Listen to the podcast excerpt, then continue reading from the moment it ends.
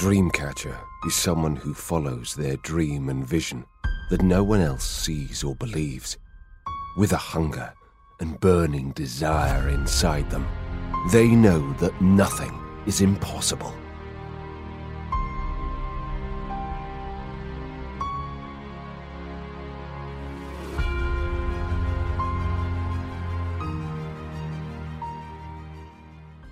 Det här avsnittet sponsras av MCP Malmö Capital Partners som erbjuder spännande investeringsmöjligheter i onoterade bolag och fastighetsaffärer. Det här avsnittet presenteras i samarbete med Gisek Ekonomipartner, en digital redovisningsbyrå som erbjuder smarta lösningar inom ekonomi, redovisning och affärsrådgivning.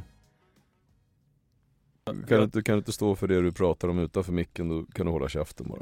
ja det är också sant. Ja. Det är också sant. Har du alltid haft det här mindset? Nej, det ska jag nog inte säga. Jag tror att jag har nog önskat att jag kunde haft det alltid. Men det är ju en, en grej med att ha saker att förlora. Jag brukar ofta återkomma till det när man pratar om människor som, som man ska försöka få tillbaka till samhället. Att om du inte har någonting att, att förlora, varför ska du bry dig? Varför ska du liksom överhuvudtaget kämpa?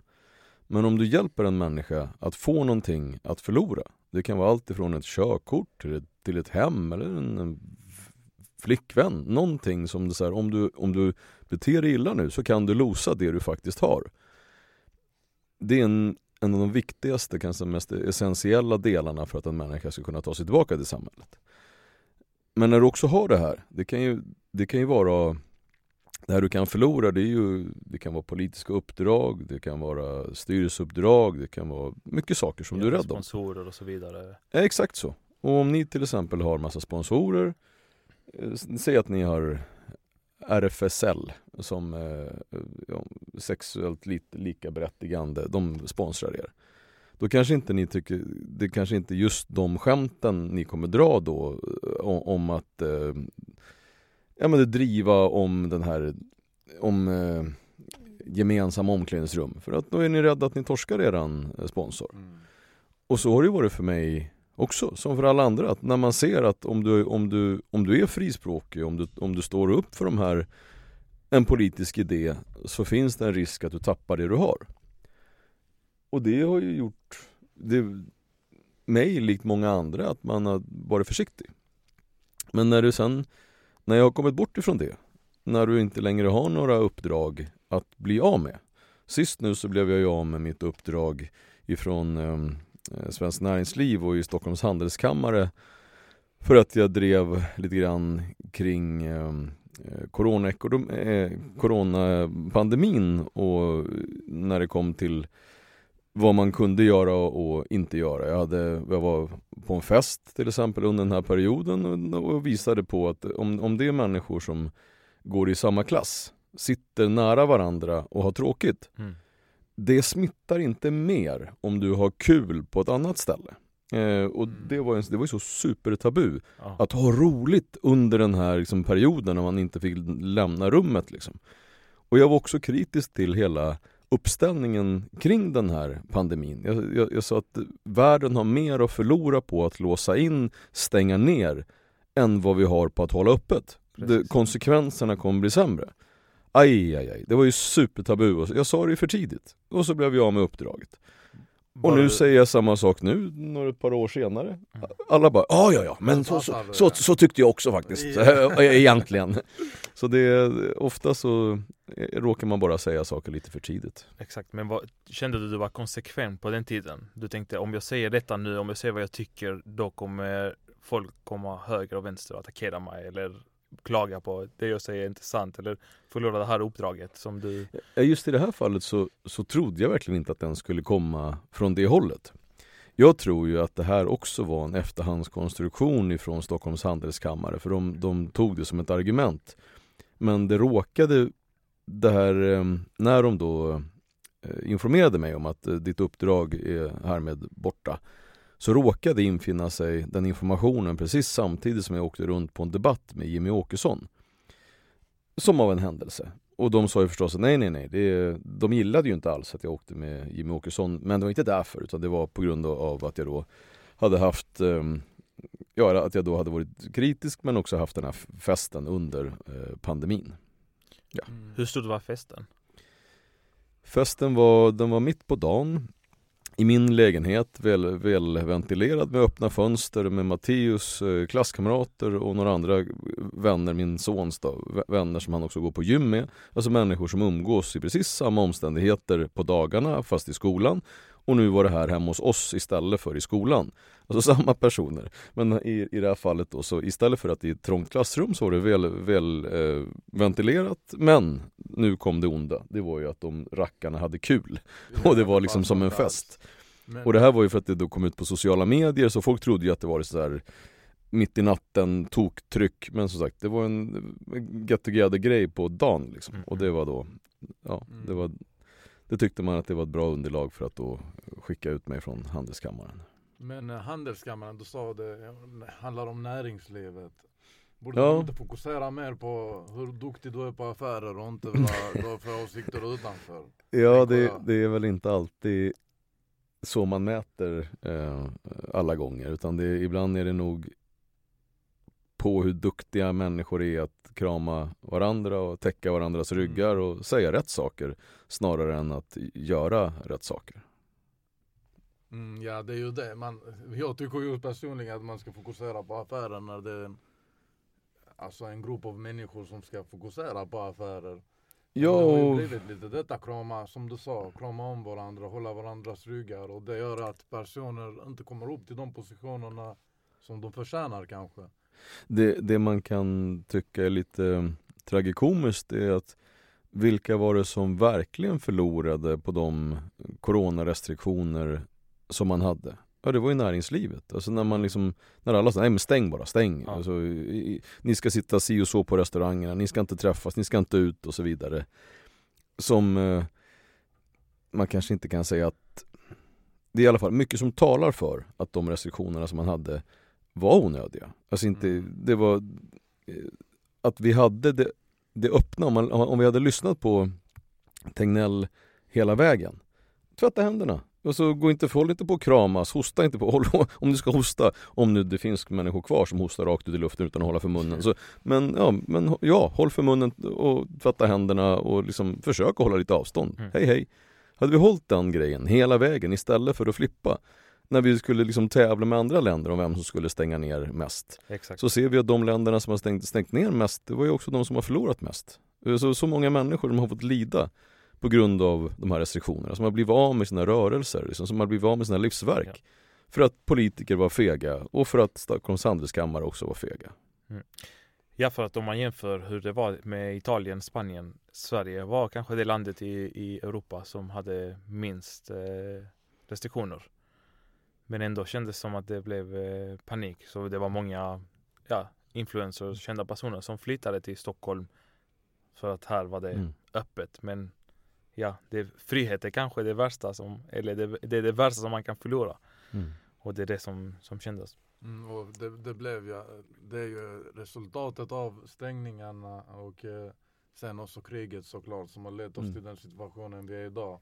Hur ser du på det? Att människor inte har råd att betala sina bostadskostnader och risk att hamna på gatan nästan.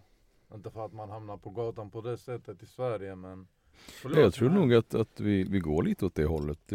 Förut så var det väl i stort sett bara missbrukare och människor med psykisk ohälsa som hamnade på gatan.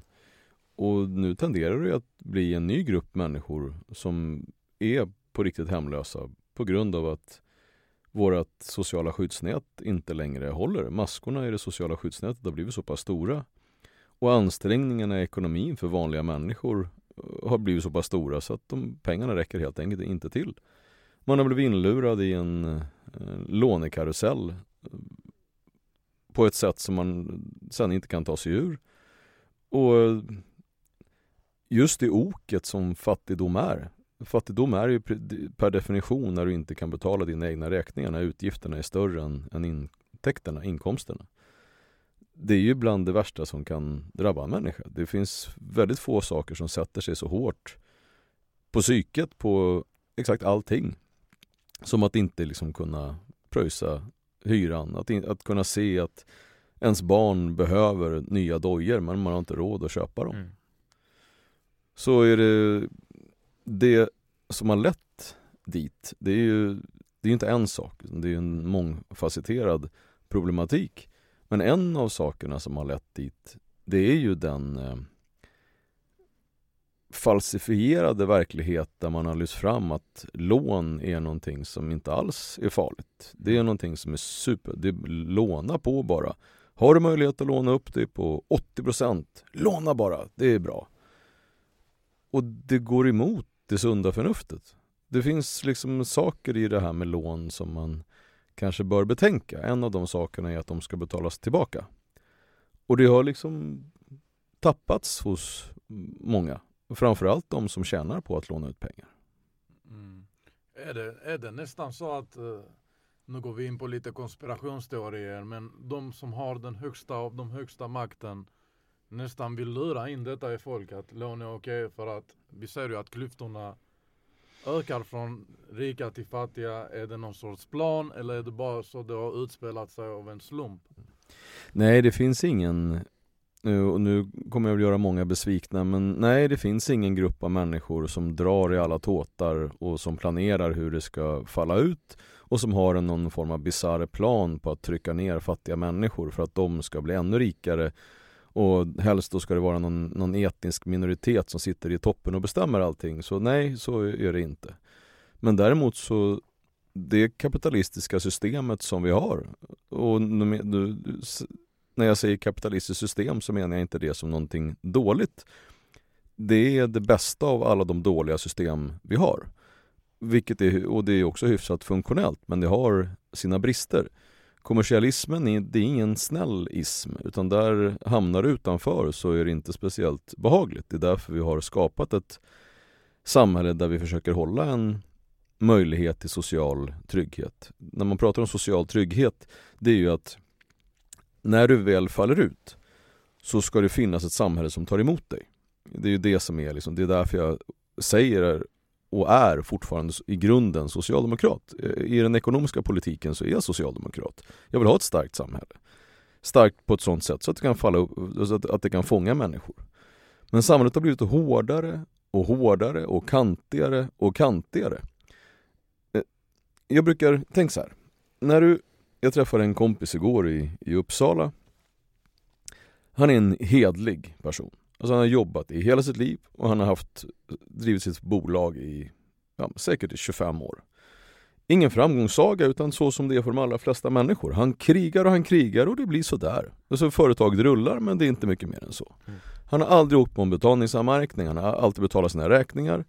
Och nu hade han varit sjuk och han flyttade i samband med den här när han också hade varit sjuk. Så, så posten hade gått till den gamla, gamla lägenheten. Det var tre stycken räkningar eh, som hade gått vidare till eh, Kronofogden. Så man, och, men så fort de kom in på Kivra så hade han betalat dem. Och tänkte att nu är allting lugnt.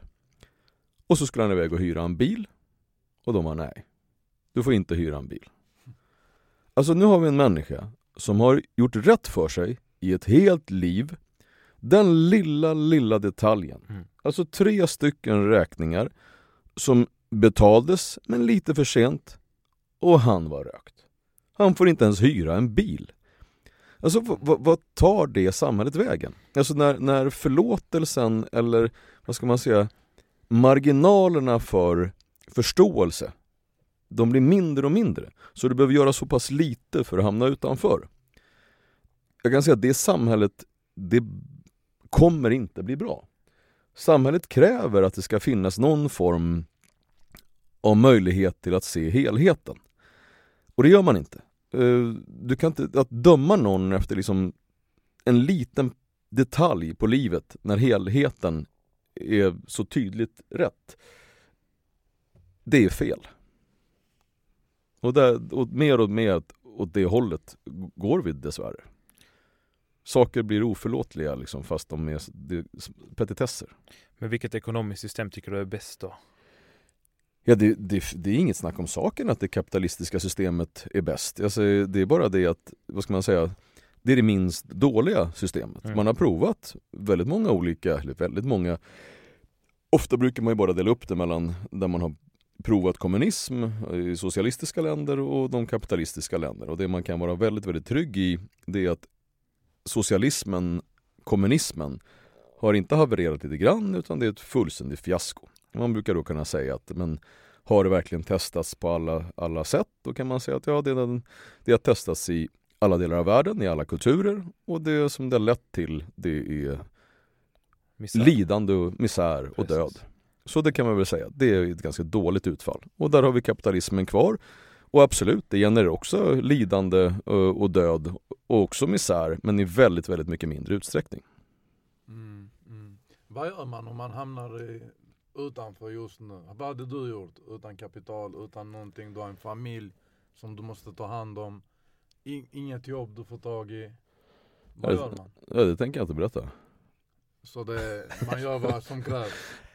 Alltså jag tror att, att det ligger hos, man har olika lösningar. Skulle jag, eh, skulle jag tvingas in i ett hörn där jag får välja mellan att min, min familj ska få, få mat eh, eller att vara samhällslojal eh, lojal hela vägen. Så det är klart att min familj går före. Mm. Men jag tror, jag, det, det, är ju, det är ju i extremens extrem. Det finns väldigt mycket du kan göra innan du hamnar i det hörnet. Utan det finns alltid någonting där du kan liksom få ihop eh, lite stålar. Och sen har vi ju fortfarande en socialtjänst. Vi har ju fortfarande socialt skyddsnät. Vi har tak över huvudet-garantin. Så att, liksom att steget innan du hamnar på gatan är ju fortfarande långt. Men som sagt var avståndet blir ändå kortare och kortare för den vanliga människan. Vi har det systemet som en gång var tryggt är inte längre tryggt. Och det är inte så att vi har slutat betala skatt utan det är snarare så att pålagorna på den vanliga arbetaren snarare ökar än minskar. Samtidigt som det de faktiskt får för de inbetalda skattepengarna blir mindre och mindre. Det är en väldigt dålig utveckling. Tror du det kommer släppa nu under 2023? Jag tror att eh, samhällsförändringar, precis som att det, det är inte så att det har bara, om man ska ironisera över politiken, så till exempel nu har vi en ny regering och nu skriker då den gamla regeringen att eh, titta vad dåligt det går. Okej, okay. hur länge har de hållit på? Är det ett halvår? Ja, ah, men tänka, ja precis. Hur mycket tror man att man kan få till på ett halvår? Alltså en förändring det, vi pratar ju oftast åtminstone två mandatperioder för att det verkligen ska eh, märkas och hända någonting. Att tro att man kan vända på någonting på ett halvår, är man antingen eh, naiv eller medvetet eh, man har ett medvetet negativt tolkningsföreträde. Mm. Och det är ganska dåligt både och den negativa trenden som har varit i Sverige, det vill säga där, där det har blivit otryggare, där ekonomin har blivit sämre, arbetslösheten har blivit högre, den har ju varit pågående. Jag skulle säga när, när mitt parti gick ut och sa 2014 att vi till 2023 tror jag faktiskt att vi sa, så skulle vi, om det var 2022 till och med, så skulle vi ha Europas lägsta arbetslöshet. Man skulle kunna säga att det gick ju inte riktigt så, utan nu, vi har ju vår arbetslöshet har ju stigit ganska ordentligt sedan, sedan det löftet mm. utgavs. Så den negativa trenden har ju hängt i länge. Och lika lång tid som det tar att, vad ska man säga, förstöra någonting så tar det oftast mycket längre att bygga upp det igen. Och vi har ju hållit på och sabbar det, vad ska man säga, folkhemmet under en ganska lång period. Och det kommer ta lång period, om det ens är möjligt. Jag tror inte vi kommer kunna komma tillbaka till 80, eh, ännu om man ser till 70, 80, 90-talets eh, standard. Men att vi åtminstone inte får det att fallera än mer. Mm. Och eh, för folk som inte känner dig John Emanuel, vi vet att du är en kontroversiell influencer, eh, ex-politiker och entreprenör. Men någon som inte känner dig, kan du bara beskriva lite, vem är Jan Emanuel? Ja, en Svår fråga. Ja, den är, Hur är det, det, det man skulle kunna säga att jag fick just den mest komplicerade existentiella frågeställning man kan, man kan få överhuvudtaget. Så vem är du? Man bara, jag vet inte Man glömmer helt vem man är. Nej, det, först och främst så tror jag att vem du är sitter i eh, åskådarens upplevelse. Du blir ju den du är inför någon annan. Att, att till fullo spegla dig själv och sen berätta för tredje part, vem är jag? Antingen så blir du bara en skrytig, patetisk rackare eller en lite för djup filosofisk person. Jag kan säga, jag, jag gör så gott jag kan. Det är nog jag. Spelar det någon roll vad folk tycker om vem du är?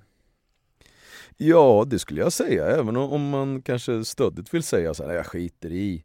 Men det är klart att jag, om jag kommer in i det här rummet Eh, och eh, ni bägge bara, men herregud vilken jättedålig person, honom ogillar vi. Det är inte roligt. Det är klart att det är roligare att vara, att komma in och ni är uppskattande och tycker att det är någonting jag har gjort som ändå är rätt. Så ur det perspektivet så, tyck, så jo, jag bryr mig absolut vad, vad människor tycker. Men däremot så kanske jag inte tar så stor hänsyn till det. För jag tror att när du blandar ihop det, när du, behöver, när du börjar ändra på dig främst då politiska åsikter eh, för att du, ska, du vill bli omtyckt, då är du farligt ute. Be, när du ska bete dig, det är ju hur jag bemöter dig. Jag bemöter dig med respekt, jag är artig, jag beter mig som folk, för så ska man göra. Men om du säger så här, du, eh, jag tycker så här politiskt. Att jag då säger, ja, ja, menar du så? Ja, men det tycker nog jag också. Det är en helt annan sak. Jag säger precis vad jag tycker, men jag säger det så gott jag kan med respekt. Mm. Jag, jag, för min del så är jag inte ett problem med att du tycker illa om det jag tycker, men jag försöker vara schysst som person. Mm.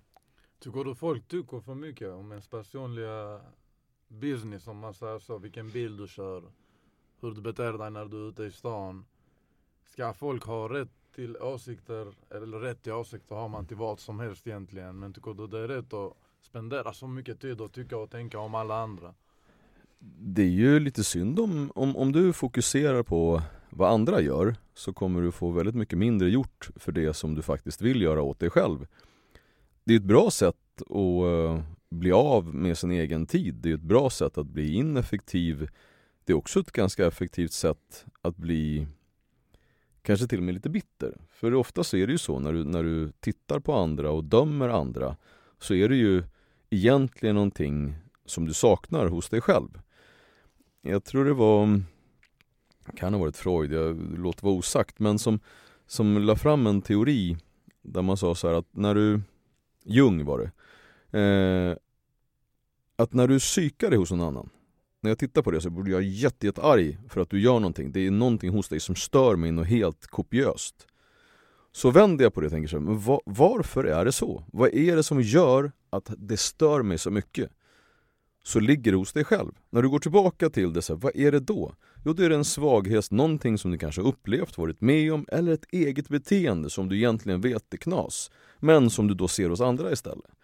Så det är väl kanske den enklaste av egenterapier, det är att när det är någonting hos andra personer som du, du blir galen på, fokusera på det. Ta reda på vad är det som stör dig hos den, för det sitter hos dig själv. Och det är faktiskt så att eh, vi jobbar då på Instagram med fastigheter, försöker lära folk lite mer om ja, ändra planlösning, räkna olika avkastningsmetoder och vi märker att det finns en del publik som tycker att det är jätteroligt när vi till exempel lägger upp ett inlägg. Och det är kanske fem, sex kommentarer som säger ja, ni gör ett fantastiskt jobb. Men sen vi lägger upp till exempel ett inlägg om Jan Emanuel. Om vem du är, vilka fastigheter du har, vilken bil du kör. Och då helt plötsligt får vi 500 kommentarer och alla blir lättkränkta, känns det som. Hur känns det när, eh, när man är så kontroversiell? Eller när, inte bara du, allmänt på sociala medier eller på nätet, folk är snabba på att attackera? Jag tror att man måste se det på olika sätt. Om man ska komplicera till den en smula så, om vi går till konsten. Vad är egentligen ett konstverk? Ja, då kan man göra olika analyser, så här, men konst är så abstrakt konst eller det kan, det kan vara så här, konst som du bara ska få en känsla av. Eller det är, konst är inte mer än någonting som berör. Om du lyckas med någonting som berör, som, som talar till människan, ja det, det är konst. Du är inte en bra konstnär om du gör en tavla som alla bara, sådär. Att provocera, skulle jag säga, det är lite av en konstform så länge du gör det med en idé.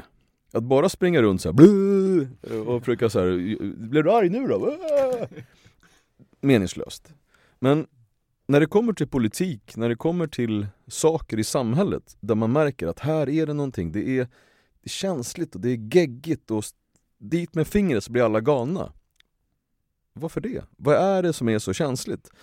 Och oftast behöver man åka dit då. Oftast behöver du gegga lite i det såret för att se vad, vad är det som är, någonting är knas.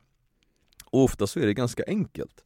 Oftast så är det liksom en, en populistisk galenskap, en, vad ska man säga, en, en tidens galenskap. Att varje tid har sin galenskap. Det håller i sig i 5-10 år ibland, men så går man tillbaka och tittar, men vad höll, vad höll vi på med? Vad var det som gjorde att vi blev så upprörda? Och det kan vara allt ifrån tabut om att prata om någonting så självklart som migration. Så det finns ingenting som påverkar vår välfärd mer än, än just migrationen. Ska vi prata om det? Ja, det, ju, det blir ju svårt att komma fram till någonting klokt om man bara säger man får bara säga på det här sättet. Mm. Mm. Så kom vi på det, nu, nu börjar det ändå bli, nu är det ju ändå hyfsat okej att prata om att jo men antal spelar roll. Kommer det så här tre miljoner nya personer till ett land som består av typ 10, kan det påverka? Ja, det kommer påverka jättemycket faktiskt. Kommer det, kommer det påverka kulturen? Jajamensan, kommer det påverka allt faktiskt. Mm. Och nu börjar man så här efter en lång period av faktisk galenskap eller så här, det här eh, åsiktskorridor. Mm. Och så går vi över till nästa och nu har du klivit in i en, någon form av så här toxisk könslöshetsperiod där du, där, du, där du inte får prata om det är det här med HBTQIA++. Om du på något sätt ifrågasätter att så här, nej men idag så vaknar jag faktiskt som en, som en tjej. Ja, idag är jag tjej. Och alla bara, ja, jo men det är klart att det är din upplevelse och definition som gör att du, att du är en tjej faktiskt. Mm. Och man säger, nej men jag vill inte vara taskig men det är inte så. Det är inte alls, utan du, du är en kille eller så är du en tjej. Sen så, om du vill klä dig som en kille eller som en tjej, skit väl jag i, klä dig hur du vill. Jag skulle aldrig falla mig in och liksom vara taskig mot en kille som har klätt sig som en tjej, för det är din grej, gör vad du vill. Men, du kan inte, om du kör ditt rollspel, din grej så här. Mm.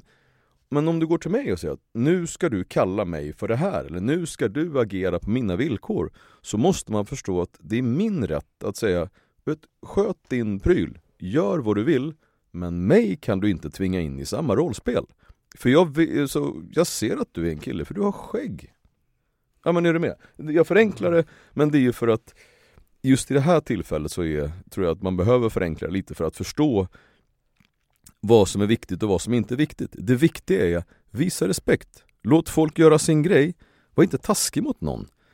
Men gör det inte till politik.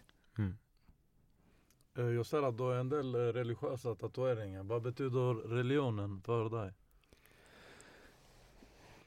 Jag skulle säga att det är basen. Eh, Marx pratar ju om bas och överbyggnad. Om man skulle överföra det då på ert koncept när det kommer till fastigheter. Så om du bygger ett tiovåningshus och så ser du till så har du inte liksom en ordentlig gedigen grund så kommer den kåken ramla, den kommer bli dålig.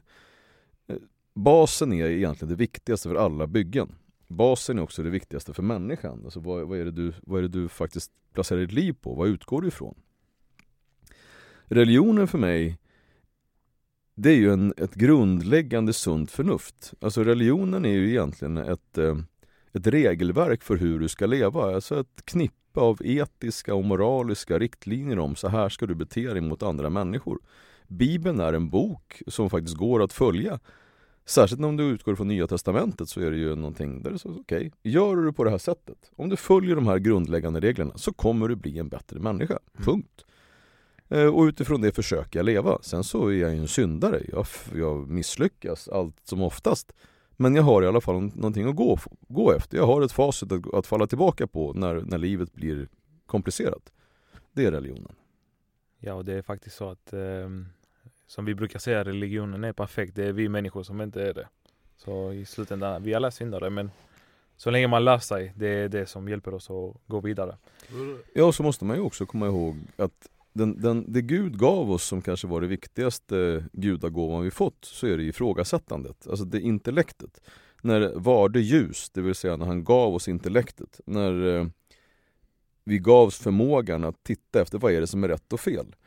Det betyder ju också att du måste, du måste studera även de gamla skrifterna ur ett kritiskt perspektiv. Du, du kan, så fort du blir bokstavstroende, om jag tar gamla testamentet och säger så här, exakt så som det står i gamla testamentet, så ska jag agera. Mm. Det kan jag ju inte göra för det, finns, det är ju fullt av galenskap i gamla testamentet. Den är ju så, den är så till vidden av också ondska. Där, där, där, man, där man hänvisar till Gud och där man liksom där man utrotar städer. Alltså man går runt och man ska slå allt levande med ditt svärd och de, de, de dödar ungar och katter och liksom alla. Det är inte så snällt. Nej. Så det är klart att du inte kan, så fort du blir bokstavstroende så blir du också lite dum i huvudet. Men som sagt, när du ser skriften, oavsett vilken skrift du går, om du, om du är buddhist, kristen, om du är muslim, men går till de etiska riktlinjerna utifrån hur du ska behandla andra ur ett positivt perspektiv. Alla straffande satser, skit i dem. Men se till de etiska riktlinjerna jämt emot hur ska du behandla din nästa. Om vi tar, eh, hur påverkar det Sverige att ateismen är så hög här jämfört med andra länder eller hela västvärlden i sig? Ja, det... Jag tror att den otrygghet som finns i samhället, den... ehm,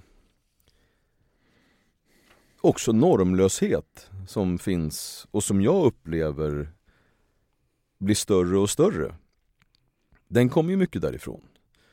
I ett samhälle som utgår ifrån etiska, moraliska och ur mitt perspektiv då kristna värderingar där blir det inte sådana... Alltså där, man åker ju inte iväg och, och skjuter någons farsa för att man är lack på sonen. Man...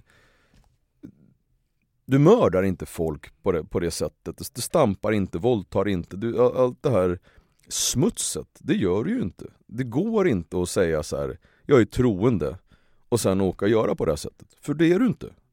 Du är, du är, du är bara smuts. Så det är klart att om, om, om, du, om du har en grundläggande tro och du agerar efter den, det är klart att samhället blir bättre. Men det, det är att det ska alltid, stolligheter det är ju när du drar saker till- sin spets. Det vill säga när du får för dig att bygga ett samhälle, dess lagar och intentioner utifrån en bok som skrevs för superlänge sedan. Om du, om du, om du skulle köra typ sharia fast kristet betyder ju inte det att sharia-lagstiftningen, vilket du skulle kunna överföra på kristendomen också, den är ju precis lika korkad då som om den är om det är ur ett muslimskt perspektiv eller om det är ett kristet perspektiv, för att det är ett fel perspektiv. Samhället ska byggas utefter att det är just ett samhälle på lagar och regler, men vi måste också vara medvetna om att de lagar och regler och den, den, den återigen de etiska och moraliska riktlinjerna som du har som människa, det bygger ju också lagarna. Våra lagar baseras på grundläggande kristna värderingar. Och om du inte förstår det, ja då, då har du ju missat en hel Eh, del. Så att hela vårt samhälle, allting du ser, all, i stort sett allting du läser, har ju i Sverige en kristen grund. Men att vi av tragiska anledningar har valt att liksom negligera eller till och med liksom medvetet förneka det i vissa fall. Det tror jag är, det tror jag är direkt dåligt. Och jag tror också, det är också en, en, en ganska en skadlig missuppfattning. Det är att ibland så, så är vi så undfallande för vi tänker så att men tänk om någon från en annan kultur tar illa upp. Om jag säger jag ska gå i kyrkan. Som om en muslim skulle tycka nej vad hemskt att gå i kyrkan. Det är ju, jag, um, jag är ju mycket, mycket lättare. Mycket, mycket. Jag är en av mina bästa vänner är imam. Jag är mycket lättare att tala med en troende muslim än vad jag har med någon som är liksom en, en fullständig ateist. För jag, jag har mycket lättare att förstå den som tror på något än den som inte tror på någonting alls. Respekten ligger ju i inför den andras religion. Jag har ju absolut ingenting emot att gå in i en moské. Alltså, som, eller ett tempel. Har du gjort det någon gång? Ja, ja, massa gånger. Och samma sak så, det taskigaste vi kan göra ur ett integrationsperspektiv, det är ju så här att frånta nya människor, oavsett religion, förståelsen för våran religion. Det är klart att vi ska sjunga kristna sånger på skolavslutningen och hissa svenska flaggan. För att det ger ju en förståelse för de nya människorna vad Sverige är för någonting. Och vissa bara, nej men strunta i våran gamla religion, det där är ingenting att bry sig om. Gör som ni vill, det blir bra. Det skapar bara kaos. Vet ni varför det står, när du blir bjuden på ett bröllop? Tänk dig att komma dit och så tittar du så här, vad är det för, vad, vad, vad är det för klädd? Vad, vad, ska jag, ha- vad ska jag för kläder på mig? Och så står det ingenting. Vem får inte ont i magen och gå någonstans när du inte vet hur du ska bete dig? En dresscode på ett bröllop, det skapar trygghet. Det är därför det ska finnas lagar och regler och fyrkantighet. Så att du vet att utifrån det här kan man agera. Står det kostym, ja men du fattar. Det står inte exakt vilken färg, men du vet ändå att det kan inte bli fullständig kaos. Mm. Står också svart kostym, oh, vad enkelt. Liksom. Och det måste vi också servera nya medborgare. Att bara komma och säga så här, men välkommen, bete dig hur, du- hur du vill. Det är inte snällt. Det är inte, det är inte schysst och det är liksom inte... De man tror att det är någon form av så här politiskt korrekthet, att, att vi står kör bara. Knas, gör inte så. Visa vad, här är skåpet och där ska du stå. Ager, se till att anpassa dig bara. Jag är ute i sista stunden och behöver hjälp med att upprätta ett bokslut och årsredovisning. Har du tips på en redovisningsbyrå som kan hjälpa mig? Ja det har jag. Vi använder oss av Gisek Ekonomipartner som hjälper oss. Jisek är snabba, flexibla, även i akuta situationer. Att ha en pålitlig redovisningsbyrå som både är engagerade och personliga underlättar för oss och ger oss möjligheten att fokusera på vår kärnverksamhet. Om du söker en byrå som erbjuder en helhetslösning och även är personliga, proffsiga och kunniga, då är det Jisek du ska välja som din vän i affärer. Låter riktigt bra. Var hittar jag dem? Det bästa är att det är en digital redovisningsbyrå så besök dem på www.gisek.se. När vi pratar om integration och lite så, vilka, finns det något land som du ser som en förebild när det kommer till integration? Ja, om man ska ta ett, ett ganska absurt eh, exempel så skulle jag säga Kuba är bra. Kuba eh, det är en väldigt lite, även om alltså, ra- rasism finns ju överallt. Men det finns ju få länder där det ändå är liksom över gränserna så pass här, ja, vem bryr sig liksom? Det är, så här, det, det, det är irrelevant. Jag tycker att hela synen på när man lägger en vikt vid en hudfärg som också är den här nya politiska stolligheten, alltså när man ska identifiera sig efter kön eller, eller, eller hudfärg eller som om det skulle spela någon roll om du är svart eller om du säger men fan du är lite mörkare än mig du. Nej, hur, hur, tänker du, hur tänker du då? För då måste du vara jävla annorlunda. Det Nej! det. Nej det är människor. Alltså, och, och jag skiter högaktningsfullt om du är svart eller vit eller brun. Om du är hygglig. Det kommer att avspegla sig mig, jag kommer vara hygglig tillbaka. Jag beter dig som en idiot och jag kommer säga åt dig.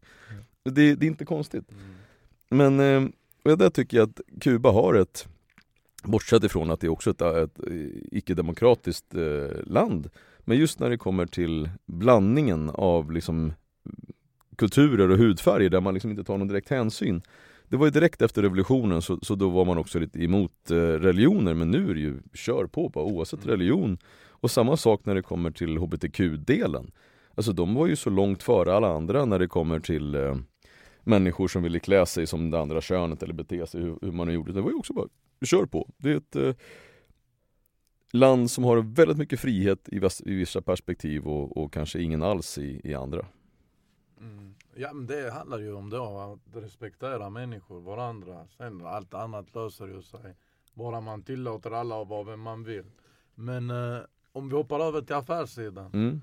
Eh, vad har du på gång idag? Ja, ska man försöka hitta någonting som låter lite spännande då? Jag, har ju några, alltså det är väl roligast att prata om, om just fastighetsaffärer i och med att det är en fastighetspodd. Så vi håller på med, det är två projekt som jag tycker är lite roligare än andra, eller så tre då. Vi har ett ställe på Gotland som ligger ungefär 6 kilometer tror jag det är utanför Visby. Där vi har en vision om att liksom bygga upp eh, en förort.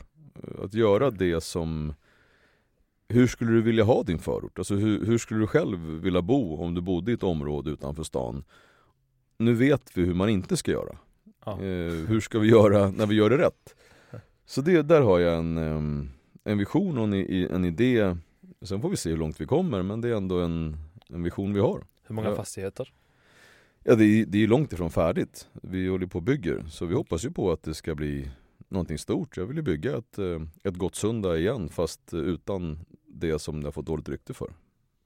Ja, för att eh, nu pratar vi om affärer, men hur var Gottsunda på, på den tiden kontra idag?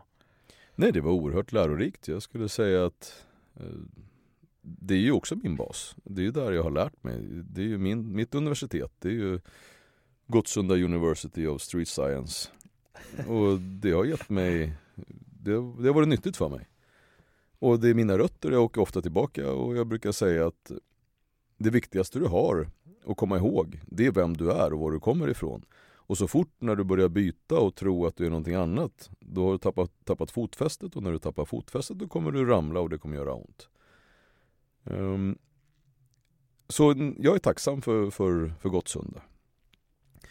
Det Gottsunda är idag, det är ungefär, det är samma samma, det är bara det att vissa delar har eskalerat. Man trodde man kunde liksom Oj, vi bygger om Gottsunda centrum och gör det lite snyggare. Vi, vi river så att man inte, man, man kan inte gå runt i gångarna bakom centrum längre. Då, då löser det sig. Men det räcker inte att måla om väggar. Liksom. Det är annat som, som strular. Det är annat man behöver, behöver göra.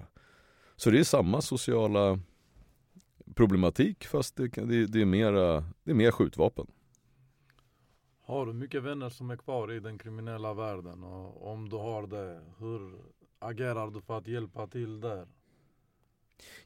de som jag växt upp med som fortfarande lever och som är med i gamet, alltså vem är jag att säga till dem att de ska byta karriär när de är 50? Mm. Liksom. Det, det, är liksom, det är deras liv. Eh, jag däremot kan inte säga att eh, det där är inte längre min vän för att han har valt en an, ett annat sätt att leva. För det är min vän. Det skulle bara, det skulle, jag skulle vara en hypokrat. Jag skulle vara den personen jag, jag ser ner till om jag agerade så. Och jag vet att det är många som tycker att hur kan du Ja, hur kan du umgås med någon som du vet är kriminell? Ja, jag kan bara säga att det är inte speciellt svårt för jag tycker om honom. Mm. Det är, det är, det är en människa jag växte upp med. Det slarvigt uttryckt om man nu ska... Jag, jag tycker inte om när man säger ej bror. Eh, jag brukar säga nej vi är inte ens kusiner, ta det lugnt. Men, men eh, i det här fallet så är det ju människor som, som är som bröder. För att eh, det är inte alltid blodet utan det är vad man har gjort, hur man har varit, vad man har betytt för varandra. Men du pratar nu om att du vill bygga ett nytt område och obviously man ser att du har valt en karriär som är bättre när man kollar på alltså värderingsperspektiv. Hur kommer det sig att du har hamnat där och de är fortfarande kvar? Först så ska man säga att det är inte speciellt många som, som är kvar, de flesta är ju döda. Det är ju en ganska Det är så lätt att tänka sig att ja men alltså om jag misslyckas med det här då kan jag alltid bli kriminell. Som om det hade varit en enkel karriär att bli kriminell. Jag skulle säga att det är den mest konkurrensutsatta marknaden vi har. Det är attans så mycket enklare att tjäna pengar på att vara rörmokare än att vara kriminell. Och definitivt tryggare. Och du tar fan en mindre skit som rörmokare än vad du får ta i som kriminell. Så det, det är ju bara, ja det är ett feltänk någonstans. Jag umgås ju också med, eller umgås ska jag inte säga, men jag, mitt sätt att visa respekt för avlidna vänner det är ju att, jag ska inte säga ta hand om, men ändå hålla kontakten med deras barn. Det försöker jag med, och i vissa fall småbröder. Och eh, sen dyker det upp människor i mitt liv. Det skulle ju vara liksom också ljuga om det inte... Ibland så dyker det fram folk som jag gillar. Och som jag fattar ju att det är klart att inte bara... De säljer inte bara Bingolotter och jobbar som snickare. Och jag tar avstånd ifrån människors agerande i mångt och mycket. Men jag, jag tar inte avstånd ifrån personen. Eh, det är också en grundläggande kristen idé om att Gud hatar synden men han älskar syndaren. Alltså inte för att han är en syndare utan för att han är en människa. Mm. Och ska du få en människa att ges en möjlighet om inte du finns där för den, om inte du lyssnar på den personen, om inte du respekterar personen och försöker prata med den utan bara Nej, jag vet att du gör det här, tänker minsann inte prata med dig. Ja, vem är du då? då? Mm. Hederliga människor som begår upp bolag och sen blir utpressad av kriminella grupper och kriminella personer. Hur skyddar man sig när man kommer upp i den nivån? Nu har du vänner i, på den andra sidan som du skulle kunna vända dig till eller så skyddar du dig själv på något sätt. Men alla är ju inte som du, det är ju fakta. Så vad gör man när polisen inte räcker till och man blir pressad helt enkelt? Nej men det är ju det här som är det så fruktansvärt tragiska och det är så, det är så, som är så oerhört orättvist. Är du en vanlig, hedlig knegare som har ditt företag och du börjar rulla in, rulla in lite pengar och du blir utsatt för utpressning så har du så otroligt li, lite att ta till. Du ringer snuten, du ska vara glad om den ens kommer fram, du ringer 112, du ska vara glad om du kommer fram dit. Kommer du fram så ska du då förklara och så ska du bli kopplad och sen ska du få någon att rycka ut på det du säger och sen så ska du få en backning ifrån samhället när du vet att de som kommer och pressar har ett liksom våldskapital som är absolut snabbare men kanske, man ska inte säga större för samhällets, samhällets eh, våldskapacitet är alltid större men så sinnessjukt ineffektivt. Mm. Så jag skulle säga att det enda vi kan göra det är ju att jobba för en förändring. Där samhällets våldskapital blir snabbare, effektivare och tydligare. Det ska inte finnas utrymme för människor att hota vanliga folk. Där samhället är så lamt så poliserna, jag, min, jag har säkert tagit upp det som ett, som ett exempel i någon annan intervju. Men min, det finns en film där det står ett gäng ligister och så kommer det två konstaplar män, en konstapel kvinna. De är osäkra på de här männen, unga männen är gapiga. Så hon, eh, hon håller i sin batong. Då säger en, en kille så här, häng tillbaka batongen annars ska jag stoppa upp den i dig. Hon bara, ja, ja, och hänger tillbaka den. Och det, det, det skär i hela min själ. Det hon skulle ha gjort, hon skulle ha slagit ut batongen, hon skulle slagit av hans nyckelben, dragit ner honom i backen, bojat honom in i bilen, tagit hans kompisar, behållit honom så länge de kunde, informerat hans föräldrar och whatever. Och sen skulle han ha torskat. Olaga hot. Mm. Allting annat signalerar bara svaghet. Och att ha ett samhälle som signalerar svaghet inför människor som bara ser svagheten i ett system och som märker att de skiter i vad man säger. De ser att om, om de vinner framgång på att vara hotfulla kommer de vara mer eller mindre hotfulla. Det är klart de kommer fortsätta med det som de märker funkar. Det måste vara mycket hårdare mot det hårda för att det ska kunna vända. Mm. Och den tragiska svaret är ju, du kan inte göra satans mycket när du väl blir pressad. Om du inte har du kan ringa snuten. Det kan du göra. Men eh, det är en tragisk, tragisk utveckling som kommer, inte kanske en på ett par år, men inom kort, så när man börjar prata om att man flyr ifrån ett högt skattetryck. Det var inte så många som flydde från det höga skattetrycket när det kom till kritan. Det är faktiskt ganska lätträknat. Men de som flyr ifrån otrygghet, det kommer kunna vara många. Och det kommer primärt inte vara de med lite pengar. Utan det kommer primärt vara de effektiva, framgångsrika människorna, företagare som märker att jag trivs inte längre i Sverige. Inte för att det är något fel på landet som sådant utan för att det blivit otryggt. Mm. Jag skulle säga otryggheten är också en av de största hoten mot den framtida välfärden. Ur flera perspektiv. Har du planer på att lämna Sverige?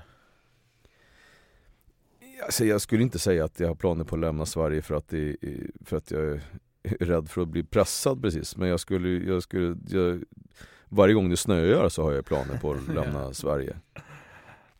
Och, eh, jo men visst det, det, visst, det är klart att, att jag tror att de flesta tänker någon gång på att lämna. Och det är klart att det också Kärleken för fäderneslandet svalnar ju, ju mindre av det som man förknippar med fäderneslandet som finns kvar.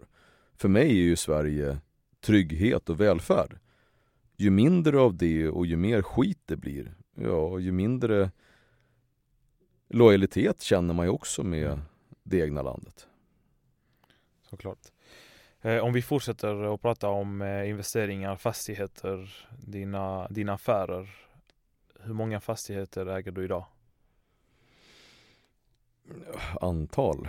Det är ju lite oklart men, men, men eh, jag, har ju, jag har ju egentligen bara två bestånd av, av fastigheter. Sen äger jag en massa enskilda kåkar liksom, men det Mm. tycker jag inte räknas. Så jag har två bestånd och ett eh, påbörjat då, men som fortfarande hänger i eh, problematiska byggregler. Då. Jag har hållit på, vad sa du? Kostnaderna då? I, Ja, jag ser I det här fallet så, så är den, den stora huvudvärken är, är att, att eh, jag har ett perfekt läge eh, Jag jobbar i, i, i Täby och vi har hållit på där ganska länge mm. Där vi då hade en vision och la fram ett förslag på ett äldreboende med, vad, vad tror jag var, 58 56 lägenheter. Radhus, villor, förskola, ett LSS-boende Jag tror att det var 36 radhus. Eh, öppen strandlinje, alla har utsikt över, över Rösjön.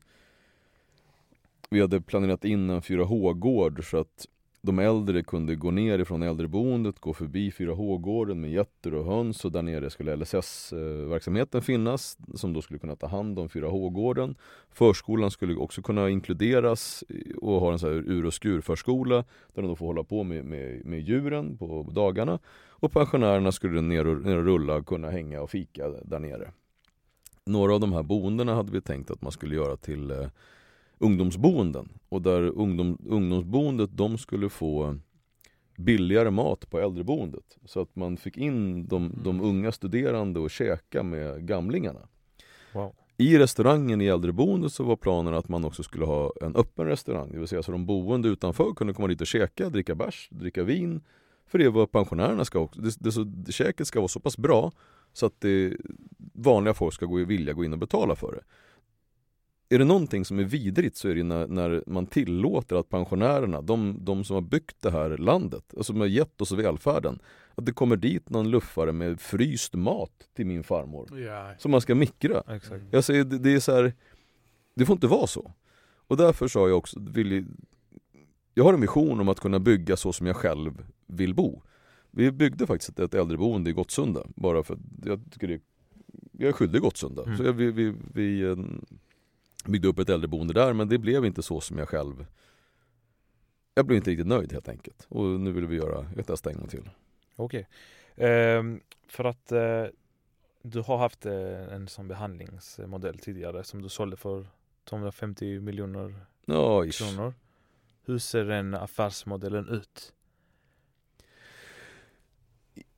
Alltså grunden till eh, själva behandlingsmodellen eh, Minns hur vi öppnade det här samtalet om att om du inte har någonting att förlora varför ska du ens kämpa? Grunden till den här modellen är att du måste ge människan någonting att förlora. När du är ung på väg att bli vuxen, du är krim kriminell, du är lite nykär i, din, e- i den, du, du, du röker lite brast, tar lite tjack, lite cola Allting flyter, alla bara 'Varför gör du sådär? Det är knark, jättedåligt' och du bara 'Vad, vad är det här för dåligt? Det är bara roligt, vad snackar du om?' Mm. Så här. Du är kriminell, ja det är klart jag är, men det är skitkul! Vad fan jag känner, jag, alla jag får tjejer, det är roligt, det är spännande, vad fan ska jag sluta med? Och så har du ingenting att förlora. När du, att kunna visa för den personen, det som vi också sa tidigare, att du tjänar mer pengar på att vara rörmokare gubben. Alltså du tror att du är så jävla skön, du tror att du ska tjäna jättemycket pengar du har, du har 2000 spänn i, i fickan liksom och tycker att oj oj oj. Och två, du har två snurrade 500 så att du kan dra lite ladd också. Mm. Shit vad coolt. Okej, hur ska du bygga din framtid så att du får en, en familj, så dina barn blir trygga? Det där är ganska kortsiktigt, ganska dåligt. Jag ska hjälpa dig att få någonting som du kan förlora. Alltså vi bygger en modell där du gör rätt för dig Alltså, vi lär ungdomarna, de kriminella, att göra rätt för sig genom att både studera men främst att också att arbeta. Att förklara att arbete, det är en sym, det är en, alltså pengar är en symbol för arbete. Ska du ha pengar, då ska du göra rätt för dig. Genom att hjälpa dem att ta körkort, då har de ett körkort att förlora. Vi hjälper dem så att de får ett boende, då har de har ett boende att förlora. Vi hjälper dem att få en lärlingsutbildning och ett arbete, då har de en, en utbildning och ett arbete att förlora. När du har boende, du har körkort och du har arbete. De tre delarna, är du hyfsat normalt funtad så vill du inte sumpa det. Mm. Det var grunden till modellen, hur man tog sig dit. Sen är inte det speciellt enkelt, men vi gjorde ett system, en, eh,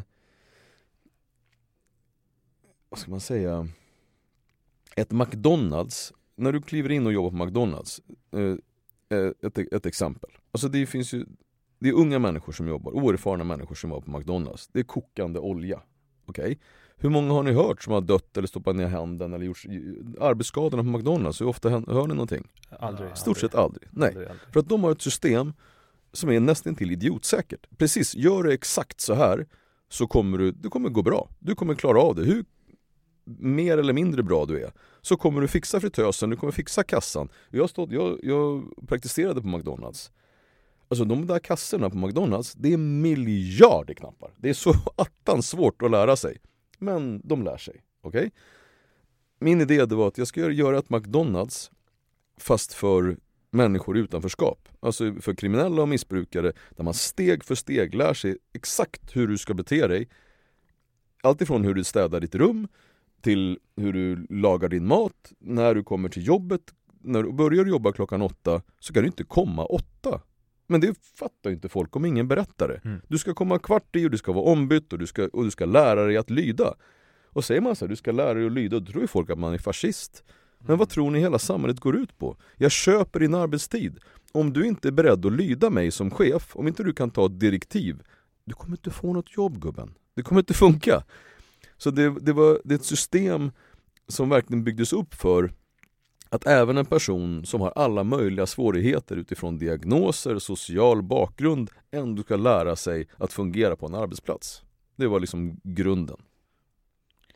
Väldigt intressant. Hur kändes det att hjälpa folk att förändra sina vanor?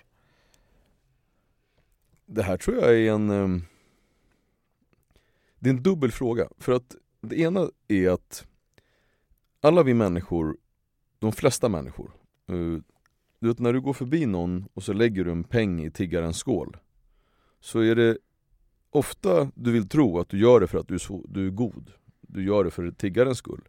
Men det är också någonting som händer hos dig när du lägger pengen hos tiggaren. Det är inte, det är inte bara en bra känsla. Eh, att, att vilja att ge för sin egen del, det är därför också står i skriften att när du, när du, när du, ska, när du ska lägga i kollektan så ska du, liksom, du ska dölja det, du ska inte visa det för någon annan. Att få hjälpa en människa i sitt arbete så du kan se på ett faktiskt sätt hur den här människan går ifrån ett missbruk där hans föräldrar liksom nästintill har gett upp honom. Där han har förstört sitt sociala nät, Han har snott grejer från morsan, farsan, polarna Han har pundat sönder sig, han har lånat pengar Han är smuts bara Att lyfta honom, få tillbaka honom Så du ser blicken hos hans mamma när han inser att shit, min son är på väg tillbaka. Många tror att du måste dö för att dö, men så är det inte. Du kan gå genom ett helt liv och vara död. När du är en människa som bara är hatisk, när du är en människa som, som bara egentligen mår dåligt, hatar andra, hatar dig själv, misär, du är redan död. Mm. Det enda som händer, du kommer dö en gång till, men du, du, du lever som död. Exakt. Att kunna få tillbaka den människan, så att inte bara han, utan också hans närmaste får tillbaka sin son. Det är någonting stort. Och när du gör det på ett sätt så du kan också följa upp det, att eh, han får ett jobb, han kommer tillbaka och bidrar till samhället. Så är det någonting stort som berör dig. Du mår otroligt bra av att hjälpa andra människor. Jag, upp, jag skulle önska att alla fick uppleva den känslan. När jag, när jag blir storvulen, eh, skrytig. Då brukar jag, när, när jag, jag höll på att säga att jag vill täppa igen truten på någon annan, då brukar jag fråga så men hur många människor har du räddat? Du dömer mig nu och säger att ja, men du har fin bil eller du, du beter dig på något speciellt sätt eller du, du har blivit rik på fel sätt eller Okej, okay. hur många människoliv har du räddat? På riktigt? Nej men nej, nej men precis, vet du vad? Jag har det. Inte en. Många. På riktigt. Kom igen, döm mig. Jag fick lite eh, Oscar Schindler-vibes, har du sett eh, filmen? Nej. Eh, The List of Schindler handlar om en, en nazist som räddade många eh, Ja, det är en världskriget. gammal film, Schindler's list Ja, Schindler's List. ja, Eh, ja, Ja, jag har mm. sett den lite på Det var jag- faktiskt så. Jag kan, de jag kan sa- titeln i alla fall Ja, riktigt bra film, bra Okej. tips. Eh, Ja, jag ska titta på ja. Hur känner du när eh, du snackar lite om eh, dyra bilar, dyra klockor? Eh, vad betyder det för dig? Är det ett sätt att visa Look I made it eller är det bara att du gillar det helt enkelt? ja, Det är återigen, som det mesta i livet så är det ju mångfacetterat Det är lätt att man vill hitta en sak som är orsaken till Mm. någonting Men eh, visst är det en revanschlusta. Eh, Jag har varit fattig, alltså fattig så som är fattig. Jag har tittat på saker och önskat att någon gång skulle jag önska att. Och när man då slutar vara fattig och jag kan köpa de här patetiska, fullständigt onödiga sakerna så kan jag antingen säga så här att nej men inte ska väl jag, det är onödigt och patetiskt och jag, nej men det ska jag inte göra. Eller så tänker jag så här, skiter väl jag i, om, om jag nu har varit, om jag har varit nyfiken. Jag har väl haft den här klockan och så köper jag den inte fast jag kan. Det var ju jättetaskigt mot mig själv. Mm. Och vem skadar jag? Det är inte så att jag så här, gör illa någon för jag köper en dyr bil eller en dyr klocka. Alltså, Och om jag då dessutom kan reta människor genom det, halleluja, jättekul. Men ser du det som en investering? Alltså bilar, du måste vara superduktig om du, om du får bilarna att bli en investering. Först måste du våga spela med, med väldigt dyra bilar och du måste våga behålla dem även när det är dåliga tider. Du måste ha en jättekoll för att, för att bilar liksom ska bli investering på riktigt. Klockor är enklare men fortfarande ganska svårt. Det, det fluktuerar ju över när det är lågkonjunktur till exempel så kommer klockor alltid sjunka som stenar för att vem tänker sig okej, okay, jag, håller, jag håller på att förlora mitt företag, bara räntan äter upp alla mina, mina vinster, jag kanske måste sälja sommarstugan. Nu ska jag gå och köpa en klocka för fyra mil. Utan det är ju, det är ju de, de onödiga lyxprodu lyxprodukterna är de som faller först. Mm. När jag gick ut för ganska länge sedan nu och, och sa att nu kommer jag sälja av lite bilar och, och klockor. Då var det ju jättemånga som drev med mig och sa ah, vad då sälja, varför det? bra liksom. Och nu köper jag tillbaka samma grejer 40% eh, ish billigare. Så enkelt är det. Ja, det, man, det blir lite lång näsa till alla som sa att du, du vad, vad håller du på med liksom. Men eh, har det alltid varit så att du när du var yngre ville ha den fetaste bilen, fetaste klockan? För att vi är ändå, visst är det så, vi gillar materialistiska saker. Jag inkluderar mig där, även om samtidigt när jag tänker på egentligen vad som är viktigt för mig i mitt liv är att ha hälsan, att min familj ska må bra. Men man blir lite blind för sådana saker, för bling-bling. Jag bodde rent fysiskt, jag och min bästa kompis Sebbe Vi bodde i en eh, omgjord cykelkällare på Odengatan Jag tror den var 30 kvadrat Eh, de pengarna jag fick in, jag, eh, köpte, jag köpte, jag hade guldkedja, en fet guldkedja Bodde i en cykelkällare Omgjord förvisso men med gluggar och stenväggar och hela grejen Så jag hade en Merca 300 CE Den första eh, var, en, var innan importen slog till. Två dörrars Merca med bältespännare som kommer fram. Och så fet bil. Men tjejer liksom, vi nudlar och, och bor i en källare parallellt. Så ja, jag har ju alltid haft den här sjuka prioriteringen. Liksom. Att cykla dams, ja, som de sjunger om i, i låten.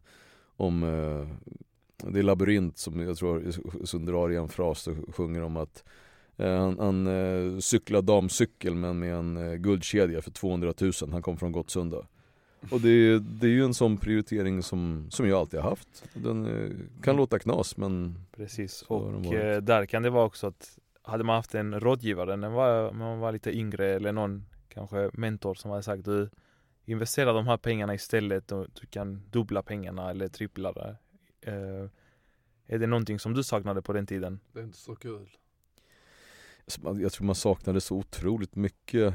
Alltså det fanns ju inte ens med ens det, det var väl knappt att det fanns i ens vokabulär, så här, aktier, bara, vad, vad är det ens liksom? Det var ju att vara ung är ju en jätteutmaning. Du är, du är lite dum i huvudet. Det är hemskt att säga men alltså hjärnan är inte utvecklad. Det är bara könshormoner som sprutar. Du vill ha kul nu, nu, nu, nu, nu. Eh, tjejerna tar upp ena halvan och sen ska du imponera på polarna med den andra halvan. och du har ingen aning om var du ska någonstans samtidigt som du tror att du vet allt. Alltså det är, det är en jättefarlig period i livet. Det, det, är det någon gång som det kan gå riktigt illa så är det ju just under, under den perioden. Och Det är därför man också behöver stöttas under den perioden. Det är därför, om man nu ska vara krass, ganska långa fängelsestraff även för unga personer är bra. För att om du, om du tar någon någon som skjuter någon när de är 16 år och så säger man nu, nu, ska du, nu får du sitta på LVU-hem i, i en stund. Kommer inte räcka. Du behöver sitta tills du kanske är 27, 30. För att du har åtminstone hjärnan växt, växt upp så att du, du, du är i alla fall liksom trygg i den. Och sen så måste ju fängelset vara en utbildningsplats för att lära dig jobba och komma tillbaka till samhället. Inte en utbildningsplats i att bli ytterligare kriminell. Mm. Men eh, tillbaka till vad som egentligen hade behövts när man var ung. Så det är klart att ha haft mer vuxna människor runt omkring som man faktiskt kunde anförtro sig och prata med hade ju varit bra. Och att den informationen som kom ifrån samhället hade varit lite mindre förljugen hade också varit bra. För det som händer när du inte är ärlig mot unga människor, när vuxenvärlden, som till exempel jag växte upp med, säger att om du röker en braja, sen blir det amfetamin, sen är det sprutnarkoman och heroin, så är det. Och man bara shit, det låter ju hemskt. Och så bara okej, okay, sprang man på en braja och så rökte man den och man bara okej. Okay. Nej, jag blev inte sprutnarkoman. De ljög, de lurades med mig liksom. Det var inte alls på det sättet. Ja, man, och så märker man att det var på ett annat sätt. Då, varför skulle du tro att någonting annat av det de säger skulle vara sanning? Och då, då väljer man ju hellre att lyssna på polarna eller framförallt på polarnas storebröder eller, eller men, men hur var din vision när du var yngre? Som ung så hade jag väl kanske inte de sundaste av visioner, det ska jag inte säga. Utan det var, det var nog mest guldkedja, eh, fet bil. Eh, jag ville ha en... Det fanns ett, ett ehm, en gård som låg bredvid eh, Lind där jag bodde som hade nästan som radhus. Det var det fetaste, där bodde de rika tyckte jag. Det var, det var, det var fortfarande hyres, hyreslägenheter men det var två våningar, man hade både, både uteplats och balkong. Kom jag bara dit så då var det, då var det lugnt. Då är jag klar. Då var jag klar. Eh, men eh, har du några rådgivare idag som hjälper dig med dina affärer?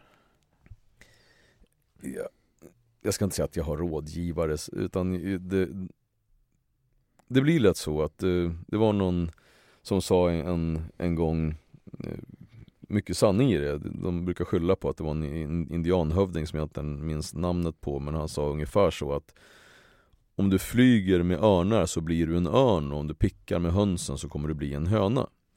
Och det är ju någonting som pengar också gör. Att, att har du pengar och du får, försöker få dem att växa så hamnar du med människor som gör ungefär samma sak. Och det gör ju i sin tur att de du umgås med och gör affärer med det är väl klart att vi delar erfarenheter om vad som är bra eller dåligt. Och det är klart att det är råd. Man ger varandra råd och på så sätt så är ju mina kollegor och de som jag arbetar med rådgivare. På samma sätt som jag kan vara, jag ger råd till dem. Men det är inte så att jag ger någon, någon, någon konsult pengar för att han ska komma och ge mig kloka råd. För oftast om du är en konsult och du har en konsultfirma, du jobbar med att sälja dina egna timmar. Du omsätter säkert Uff, tre miljoner om året och så ska du komma till mig och berätta för mig vad jag ska göra. Nej, mm. inte riktigt. Eh, du, du kollar ju efter, eh, du köpte tillbaka lyxgrejer om man säger så för 40% av priset. Eh, resonerar du samma med affärer, bolag, fastigheter? Är du ute efter att köpa på dig så mycket som möjligt nu? Eller har du inte den strategin? Kör du bara på det som kommer helt enkelt? jag, jag har gjort jag har gjort en hel del med felbedömningar. Jag trodde till exempel att under eh, pandemin, jag sålde ju inför pandemin, jag sålde av mycket fastigheter och även värdepapper för jag ville vara likvid inför det jag trodde skulle komma. Jag trodde att eh, aktiemarknaden skulle slås mer eller mindre ut. Att eh, attraktiva fastigheter skulle bli väldigt billiga men det blev ju inte alls så. Utan bara snarare tvärtom. Så att eh, när jag, jag sålde på en ganska dålig nivå och, så, och jag, jag sålde fort också för jag liksom Ja, jag hade en förstorad bild av vad jag själv kunde förutse. Så jag bara, "Off, vad smart jag är. Och så sålde jag. Och sen så gjorde jag fel helt enkelt. Det, gjorde, en- det var en dålig affär. Jag borde behållit. Men eh, nu så, så tror inte jag att vi är i eh, lågkonjunkturens botten. Jag tror att det kommer komma tillbaka. Det kommer, aktiemarknaden kommer gå upp lite grann. Tittar man på, på lägenhetspriserna, framförallt större städer, de kommer liksom stabiliseras en stund. Men det som räntan gör i kombination med inflationen den ser inte ut att bli bättre och jag tror inte heller att det kommer bli speciellt mycket bättre inom ett halvår. Så jag tror att det kommer bli ganska mycket sämre innan det blir bättre. Så jag tror att de eh, förhoppningarna om att kunna göra riktigt bra fastighetsaffärer på någon annans bekostnad, vilket det alltid är. Ja, ja. Eh, Så det tror jag vi har lite längre fram. Men kom ihåg att jag, jag har haft fel förr. Ja, ja men då har vi alla Ja. våra bedömningar. Sen att det kommer eh, utländska aktörer och köper fastigheter i Sverige. Fastigheter är ju- är ju en, en form av makt man ändå har när man äger mycket fastigheter i ett land. Är det positivt eller negativt tycker du att vi släpper in dessa aktörerna som får en mycket bättre direktavkastning här än i sitt land? Så det är en självklarhet för dem egentligen, men för oss. Nej, det, det här, nu, jag är medveten om att jag, att jag svarar fel på din fråga. Nej, eh, jag, och det här kan väl då låta som någon form av protektionism. Men eh, nej, jag tycker inte om att eh, kineser Eh, går in och köper stora delar, eller ryssar går in och köper stora viktiga bestånd i Sverige. Jag är inte heller speciellt förtjust i att ehm, eh, rika shejker från arabvärlden köper upp stora delar av Sverige. Jag, jag önskar att, och det här, kan vara, det, det här kan vara mer känsla och kanske helt onödig känsla också. Men jag ser, ser ju hellre att, att samhälle och svenska medborgare skiter fullständigt i vad det är för färg på dem eh, som, som är och genererar arbetstillfällen och skattekraft i Sverige äger eh, det som ja, fastigheter och liknande i Sverige. Mm. Men eh, ja, det kanske är protektionism och då är jag väl en, en sån då. Zlatan är igång med fastigheter här. Han köper ju lite här och där. Ska man följa han? Har han bra rådgivare? Jag har noll och ingen koll på, på Zlatan förutom att han är en jätteimponerande idrottsman men jag har ingen eh, jag har ingen personlig relation till honom och jag har heller ingen riktig koll på hans eh, affärer. Och jag tror, och nu pratar jag återigen mer på känsla än på Mm. kunskap och erfarenhet att ska man ta rygg på någon så tror jag nog att det är bättre att ta rygg på någon som har ägnat sig åt affärer ett helt liv än att eh, följa en, en eh, skön idrottsman. Det kan hända att han är magisk på affärer, vad vet jag. Men eh, när jag, om jag ska härma någon då härmar jag hellre, om jag nu ska generalisera, någon som har varit duktig, en familj som har varit duktig i liksom många generationer och som har behållit pengarna, än att jag följer någon som slarvigt då dagslända. Familjen Wallenberg alltså, följer vi. Ja, tv- tvivelsutan. Familjen Wa- Wallenberg, eh, där finns det, där finns det mycket trygghet. Jag, så jag, sagt, jag köper hellre, hellre Investor än någon eh, techaktie som någon lirare kommer fram och säger att om två år du kommer hundrafaldiga pengarna brorsan. Kör du mycket aktier idag?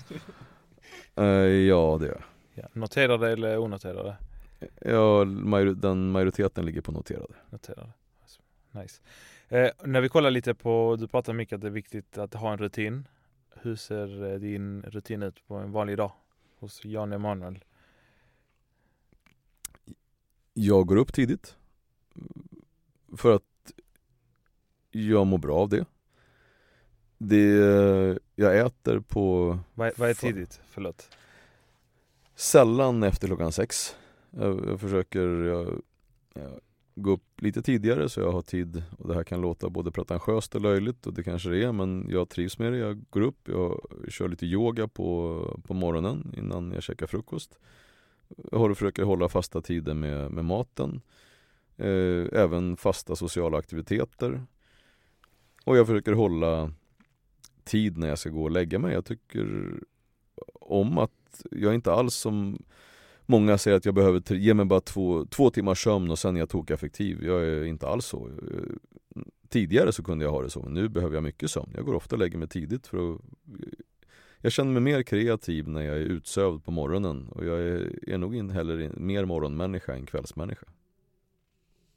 När ber du? Det är ju en jag läser mycket på morgonen.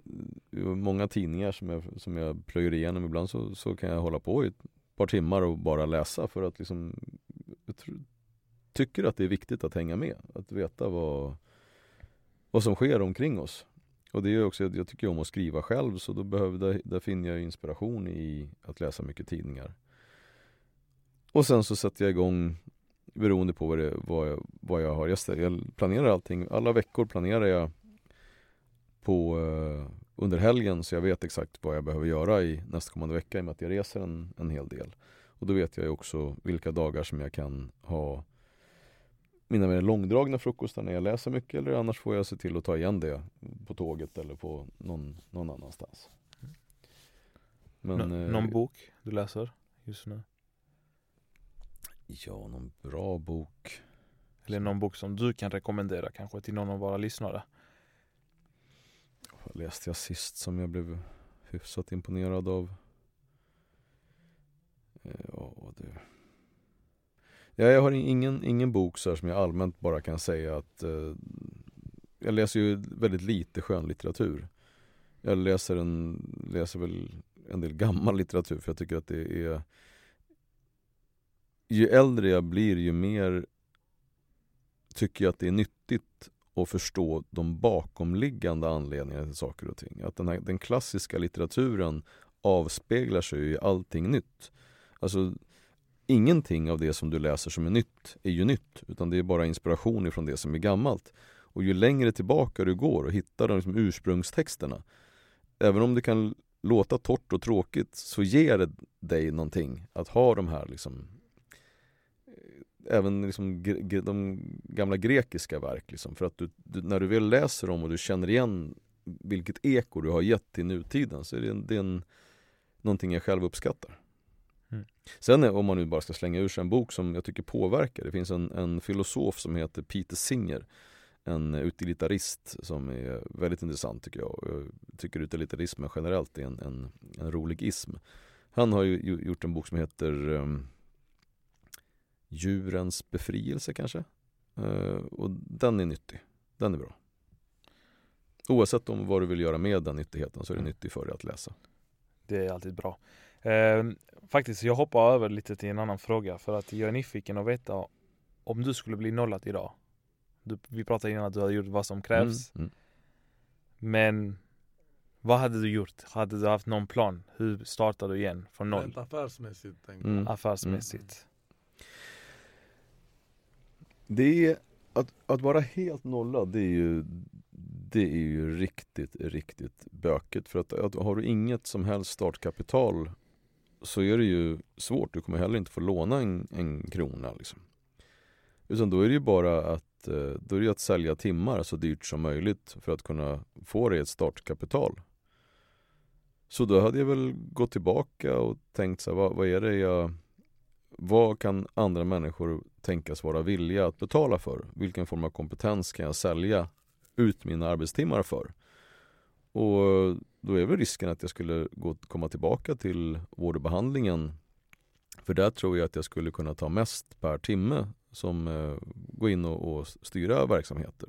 Så där hade nog jag ramlat tillbaka eller in.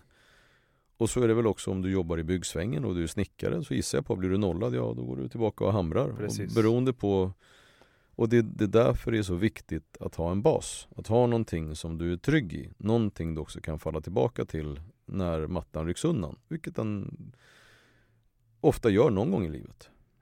Hade du sagt samma sak till någon som är 18 år och eh, har inte någon som är driftig men har inte den ekonomiska, de har ingen Är du 18 år ska, då, då kan man fråga sig så här, hur stor är risken att du är färdigutbildad? Mm. Jätteliten, gå och utbilda dig. Nej men jag vill ha pengar nu. Det är en dålig idé, gå och utbilda dig. Men du har inte utbildat dig. Nej, jag har haft tur. Utbildning. Ja men jag har inte ens gått ut nian. Nej men gå ut nian. Det tar skitlång tid. Ja, hur gammal? Du är 18 år. Jag tror att det, ibland så Jag brukar när jag pratar inför grupper av yngre människor så brukar jag rita en livslinje. För att när du är 17, då säger man om ett år. De bara, om ett år! Mm. Det är så sinnessjukt Mm. lång tid. Jag, jag gör ju sällan en investering på kortare än fem år och tycker att det är en ganska kort tid. Men det är ju för att jag inte är ung. Men när du gör livslinjen så visar du på att här, säg att du dör när du är 80, eh, här föds du. Här någonstans är du nu. En liten del. Om du lägger nu fyra, fem år av att kämpa på att få en utbildning så kommer hela den här biten som är kvar tills du ska dö kommer bli så oerhört mycket enklare. Investera de åren i att få en utbildning så att du har någonting att falla tillbaka på. Även om du tycker att du har en svinbra eh, affärsidé. Köp den på fritiden. Mm. Efter att du gjort läxorna, då kör din fantastiska idé. Mm. Det här med folk tjänar mycket pengar på sociala medier nu, syns mycket influencers och så vidare. Vad är ditt syfte med att du syns så mycket i medier, sociala medier och är det affärsmässigt val du har gjort? Eller tycker du det bara det är roligt att skoja med folk? Jag är ju, även om jag inte sitter i riksdagen, att alla mina, jag har ju sagt ifrån med mina politiska uppdrag så jag är fortfarande en politisk människa. Jag använder mina sociala medier för att kunna fånga människors uppmärksamhet för att sen kunna, kunna ta upp politiska eh, problem eller lösningar. Och då väljer jag att först apa mig. Eh, göra, filma bil, filma liksom retas och provocera. Och på så sätt så får jag människor att titta och lyssna. Och sen kanske var tionde inlägg Då kommer det till en debattartikel jag har skrivit Det kommer till en politisk orättvisa, någonting som jag vill att människor ska engagera sig i Skulle jag bara köra, bara så vet Stå upp för det här och rädda det här och skicka pengar till Turkiet och Alltså det, det blir ingen, jag når inte de personerna som jag vill nå Alltså de redan upplysta. De människorna som redan är medlemmar i varenda ideell förening och varenda hjälporganisation som finns. Vad ska jag göra med dem? Jag vill nå de helt vanliga människorna med min egen erfarenhet, eller inte erfarenhet, men min egen bakgrund och sådana som traditionellt sett inte bryr sig om politik. De vill jag fånga och ge dem ett politiskt medvetande. Och det försöker jag göra genom mina sociala medier. Mm. Mm. Dina följare, hur gamla är de? Eller målgruppen? Ja, jag har eh, målgruppen, jag, jag, har ju, jag har liksom inte siktat någonstans egentligen. Den har väl snarare formats av sig självt. Jag har en stor majoritet eh, män. Eh, unga män. Eh, det är väl starkast upp till det betyder, visar väl på hur omogen jag är då för att det, det, det brukar följarantalet efter du vet så här 45-50 så är jag, där är jag liksom svag. Men jag har, jag har en jag har starka vad ska man säga, en stark grupp av, av unga män. Där är jag, ja, där är det mest. Jag har fått mer och mer tjejer eh, med tiden. Och, det, och där är det oftast, där märker man ju att det är ofta de politiska inslagen som, ja, där det funkar. Och även när man då tar fram lite, lyfter fram lite känsliga ämnen. Mm. Om vi pratar om värderingar, vi pratade lite om religion tidigare. Men eh, vilka är dina viktigaste värderingar i detta livet? Du frågade tidigare vem du är. Och jag tror att vem du är ska ju då försöka avspeglas genom dina värderingar. Och då sa jag så här att jag är någon som gör så gott jag kan. Och eh, det är väl faktiskt någonting man skulle kunna kalla en värdering. Eh, att gör alltid så gott du kan. Oavsett situation. Gör åtminstone så gott du kan. Gör du det så kommer du få ett bättre liv. För det är ganska, när det, när det kommer till kritan och du verkligen frågar dig så här, gjorde jag så gott jag kunde? Mm. Så är det ganska sällan man gör det. Man, är, man gjorde det halvdant, man gjorde det sådär. Och om du lever efter den devisen, att gör faktiskt så gott du kan. Även om du ska steka pannkakor. Och gör dem så gott du kan. Gör den så fin du kan. Gör den bästa pannkakan du någonsin har gjort. Och om du gör så varje dag, när du steker din, dina ägg på morgonen, till att du sätter på dig jeansen, till att du sty, stryker din tröja, utan att det blir löjligt att du stryker tröjan i en timme för att det ska vara perfekt. Men jag tror att, jag tror att man förstår vad jag menar Ja. med det liksom. I din relation, har du gjort så gott du har kunnat? Jag ska skilja mig, har du gjort så gott du har kunnat? Mitt barn är ouppfostrat, har du gjort så gott du har kunnat? I alla situationer, fråga dig själv, har jag gjort så gott jag kunnat? Har du inte gjort det, så gör det. Jättebra råd. Och när vi pratar nu till slut om framgång. Hur definierar du framgång? Det finns ju olika former av, det finns eh, social framgång, det finns ekonomisk framgång, det finns själslig framgång. Eh, Jag tror att om du börjar bakifrån, vad, vad, är, vad är en som du säger, själslig framgång? Vad, vad är det för flum? Själslig framgång, det är att finna sinnesro. I att när du går och lägger dig så snurrar inte hjärnan på att du, att du hatar någon, att du, att du vill hämnas på någon. Du, du, du, den, du är inte orolig för att den här affären ska, utan du, du kan gå och lägga dig du kan tänka tillbaka på dagen, tänka på vad du gjort för någonting och vara ganska nöjd med det. Och somna utan ångest. Att, och, och kunna vakna utan stress. Att finna den sinnesron, det är framgång. Ekonomisk framgång, det är ju inte supersvårt att begripa vad det är för någonting. Utan det är när du har en väldig massa pengar. Då Mm. har du nått ekonomisk framgång. Social framgång kanske en av de viktigaste delarna utifrån att social framgång det är inte när alla människor tassar på tå kring dig för att de är lite oroliga för hur du ska reagera eller att de smörar eller så. Utan det är när människor på riktigt vill umgås med dig. De vill vara nära dig och med dig för att du är en sympatisk person på riktigt. Det är social framgång. Den sociala framgången är också en förutsättning för den ekonomiska. För att om du ska få människor att vilja göra affärer med dig mer än en gång så måste du vara en person som du kan lita på. Att vara en person som någon kan lita på, det är en man eller en kvinna som håller sitt ord. Håll ditt ord, det är en av de viktigaste affärsmässiga framgångarna. Du kan tycka att titta nu hur blåst jag har blivit flera gånger bara för att jag var den som stod för mitt ord. Det kommer du bli. Men i förlängningen så är det det som är framgång. Superbra Mm, jag håller med. faktiskt. Eh, Det är inte så svårt egentligen att vara en bra människa och, och lyckas. Det är en, teorin är där te teoretiskt sett så är det enkelt att vara en människa. Jag kan berätta för dig precis hur man ska vara för att vara en bra människa. Är jag en bra människa? Jag gör så gott jag kan, men jag skulle inte säga att jag är en bra människa. Jag gör massa, både medvetna och omedvetna fel.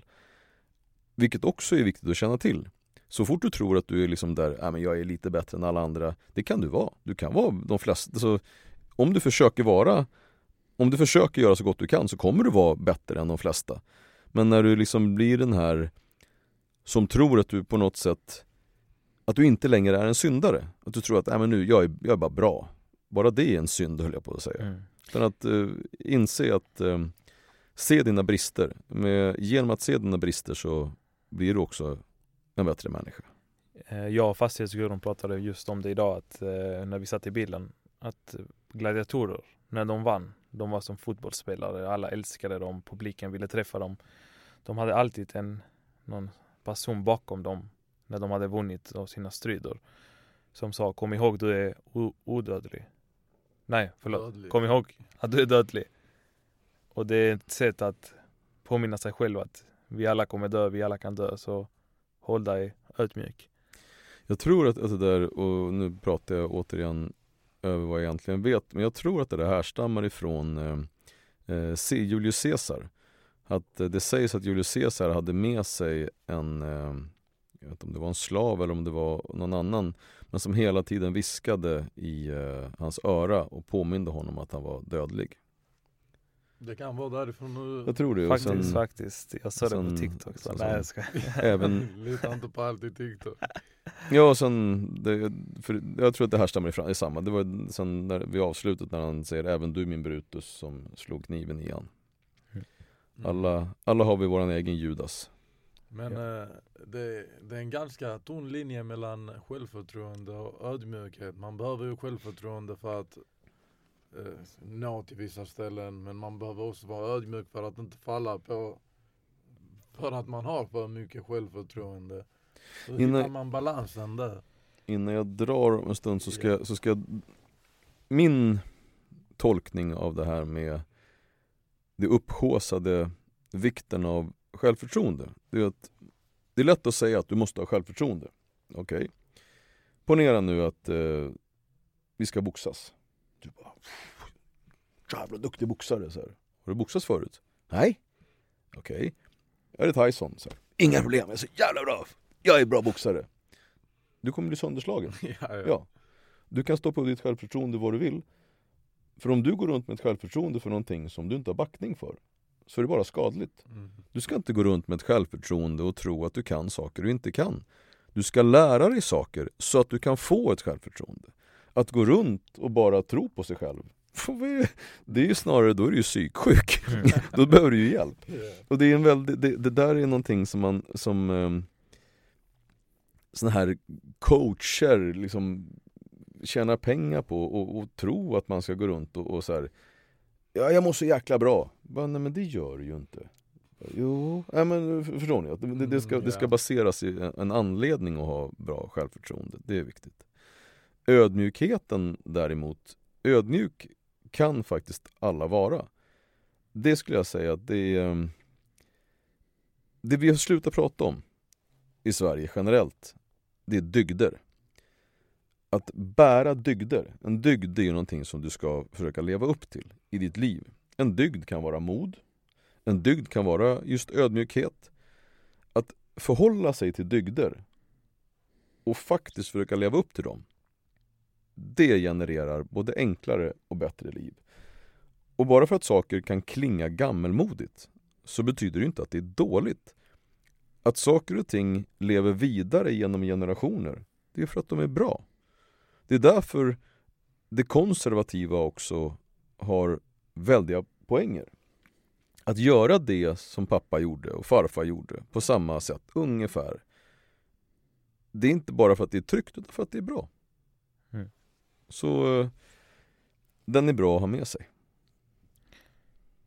Yes, Jan Emanuel. Tack för att du ville komma idag. Stort Verkligen, tack. ja stort tack. Ja, det är ni som har kommit från Malmö till Stockholm. Ja. Jag som ska tacka.